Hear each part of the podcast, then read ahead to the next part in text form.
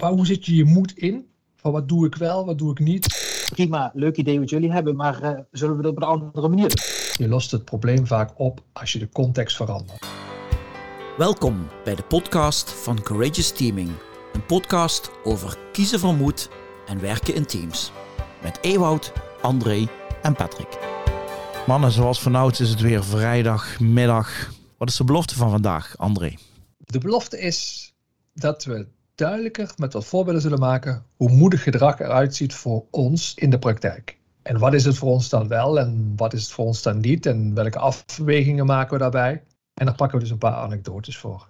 Nou, dan ben ik benieuwd naar de eerste anekdote. Ewout. Het zijn uh, een paar situaties. Wat we het gevoel hebben waar we in een klant mee terechtkomen, wat ze van ons vragen. En tegelijkertijd aan de andere kant wat wij denken dat ze nodig hebben of waar wij ook goed in zijn wat we kunnen bieden.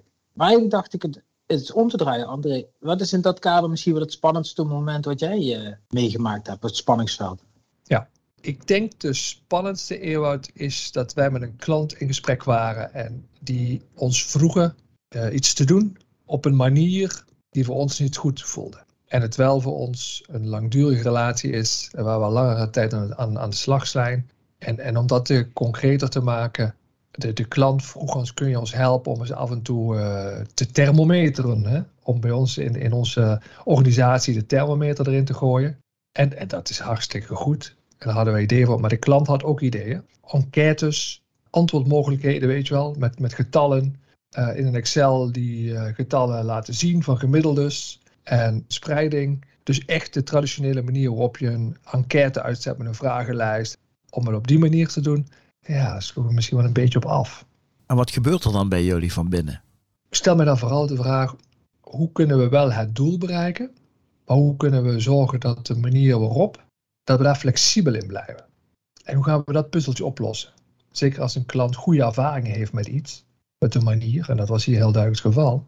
Dus, dus waar, hoe zit je je moed in? Van wat doe ik wel, wat doe ik niet? Hoe, hoe helder spreek ik dat uit? En hoe zorg ik wel dat ik die klant blijf meenemen? Maar als ik even een moedige vraag mag stellen, uh, André, dit is het rationele antwoord.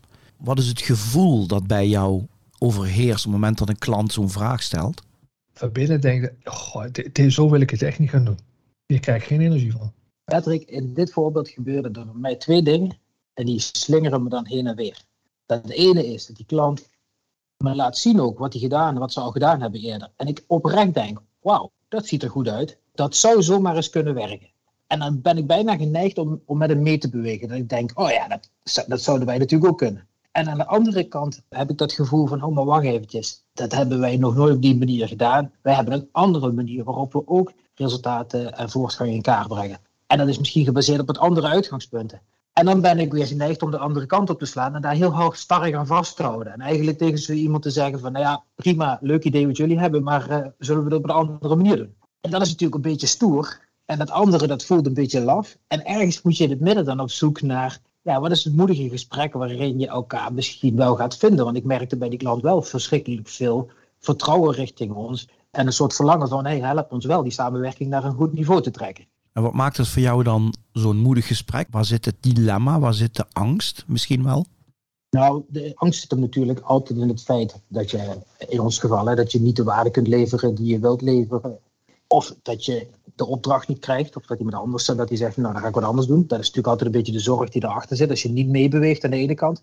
En aan de andere kant, als ik niet vasthoud aan mijn eigen uitgangspunt en waar wij sterk in zijn, dan heb ik altijd de angst dat ik me laat meetrekken in iets waar, waarvan ik later de belofte überhaupt niet waar kan maken.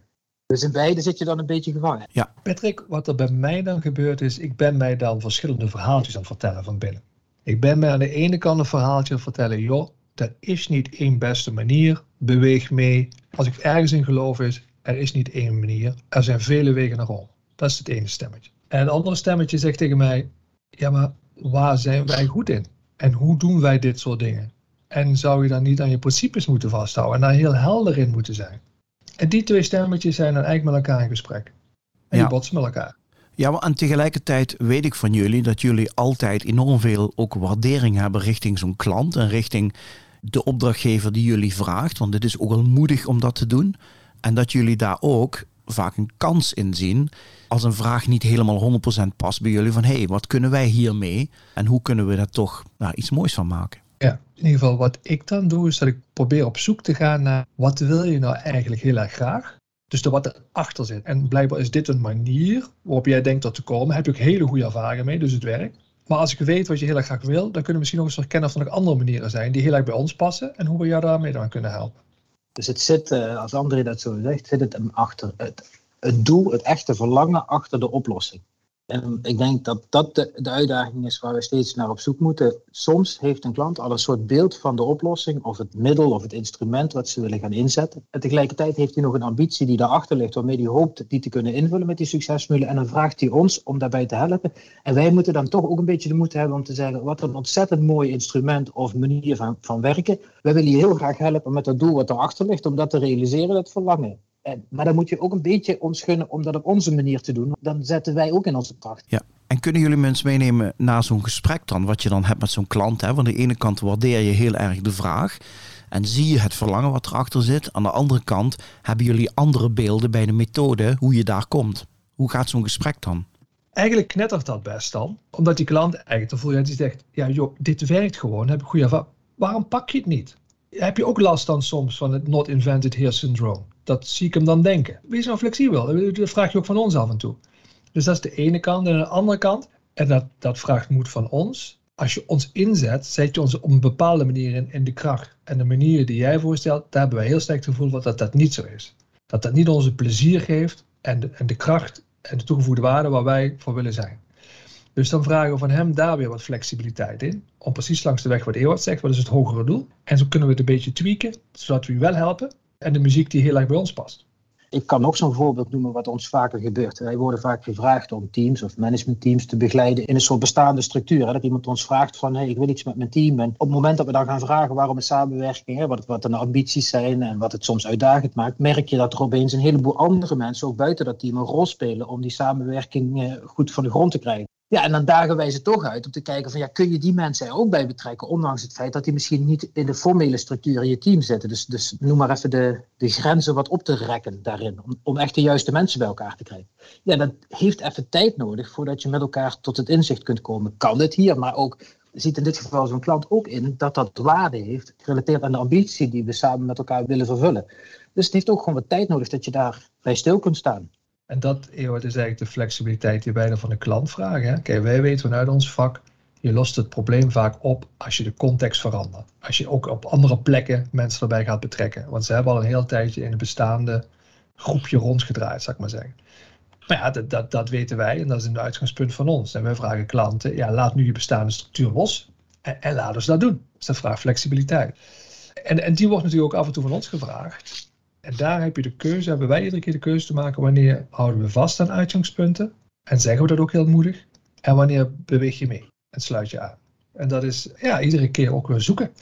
Kan je ook een ander voorbeeld geven? Wij werden gevraagd om een uh, college te geven als, als, als leiders op te treden in een leiderschapsprogramma. En dat was voor ons een geweldige kans, want daar zitten allemaal mensen die uh, perfect in de doelgroep vallen waar wij mee werken. En terwijl we aan verkennen waren met de programmaleiders, werd eigenlijk duidelijk van ja, weet je, dan worden wij gevraagd iets te doen wat ook weer niet wij zijn, namelijk college geven, modellen voorop zetten en theorieën. En die hebben we wel, zoals jij weet, maar die zetten we niet voorop, die zetten we stuwend in als ze nodig zijn. Ja, dan moet je uiteindelijk durven zeggen van, weet je, uh, we snappen wat jullie willen. Uh, dat gaan wij niet doen als het op die manier moet. En, als jullie, en we snappen als jullie daaraan vasthouden.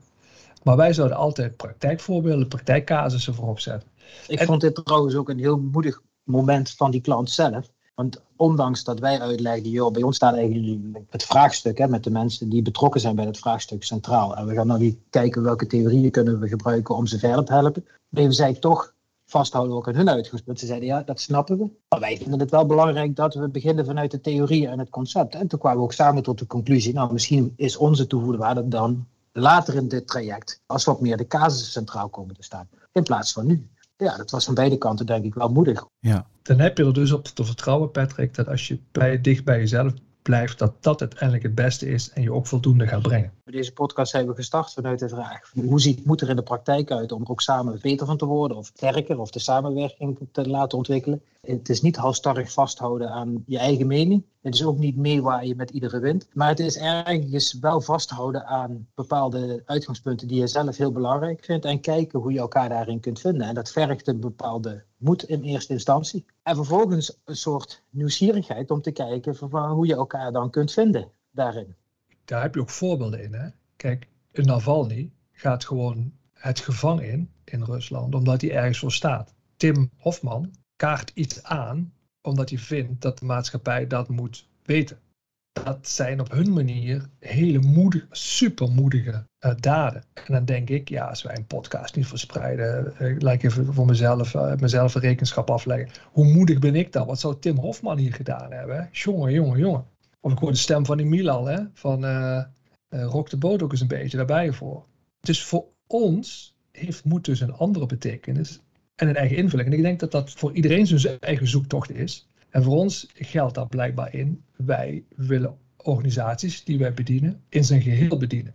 En we willen niet dat daar iemand in gekwetst wordt. Daar willen wij blijkbaar voor zijn. En daar, dat is een kapstok waar wij de moed aan, aan meten wat ons te doen staat.